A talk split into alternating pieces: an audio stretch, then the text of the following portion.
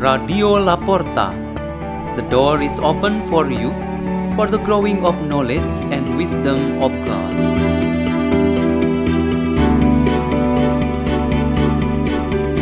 by Worley Pamilaran from the Church of Santo Yohanes Bosco, Jakarta, Indonesia.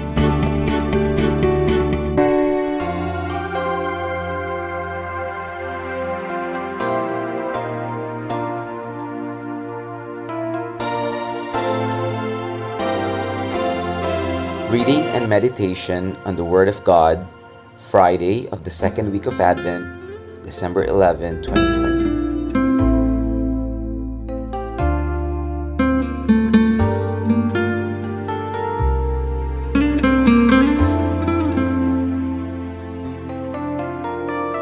The reading is taken from the Holy Gospel according to Matthew. Jesus said to the crowds, To what shall I compare this generation?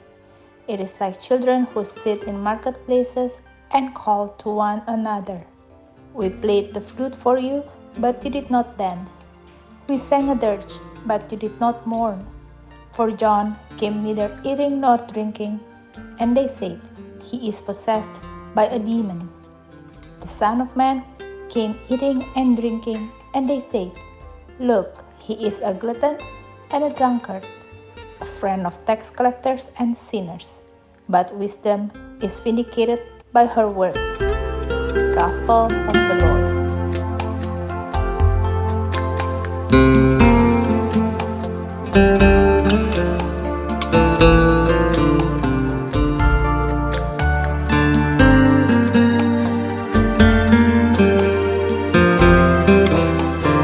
Our meditation today has the theme In the Father's Image.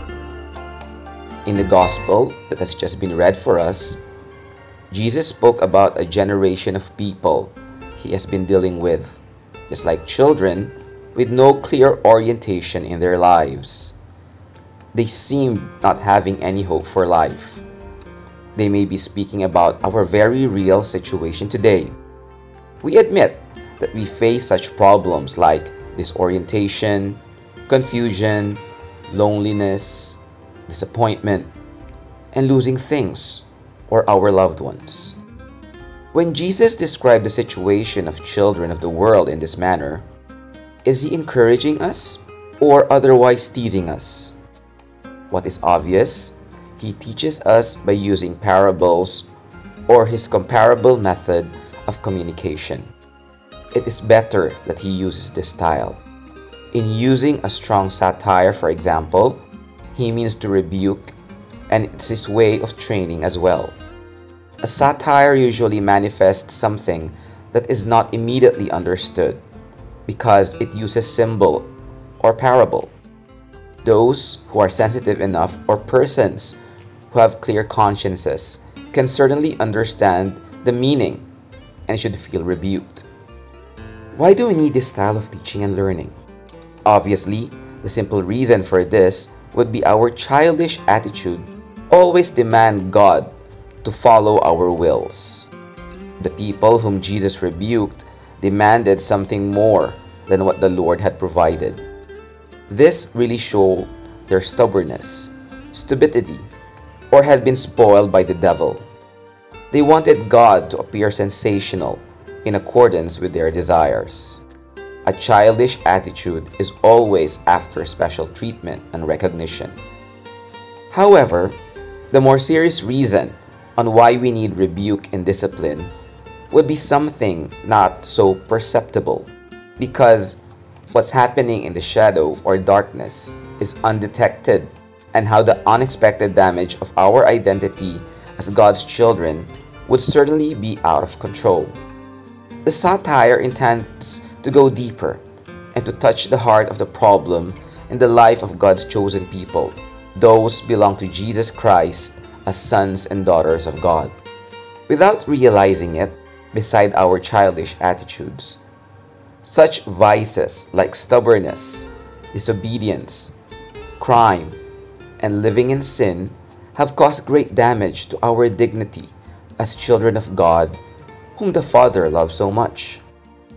The immediate consequence of this damage would be on the image of the Father, which had been molded in us since creation becomes corrupted. This Advent season must be an opportunity not only to yearn for Jesus' coming, rather, is an effort to repair the damage that happened or stained and has corrupted our being consecrated by the grace of baptism.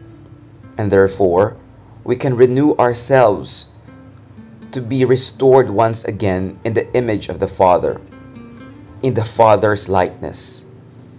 We proceed first by entering into the life of Jesus Christ Himself. We should return to commit ourselves to the baptismal commitments. Let us pray. In the name of the Father, and of the Son, and of the Holy Spirit. O loving and generous Father, enlighten us with your Spirit, so that we will strengthen our commitment to Jesus Christ, the memory of the moment of our baptisms.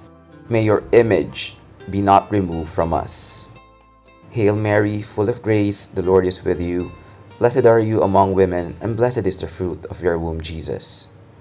Holy Mary, Mother of God, pray for us sinners, now and at the hour of our death. Amen. In the name of the Father, and of the Son, and of the Holy Spirit. Amen. Radio La Porta. The door is open for you.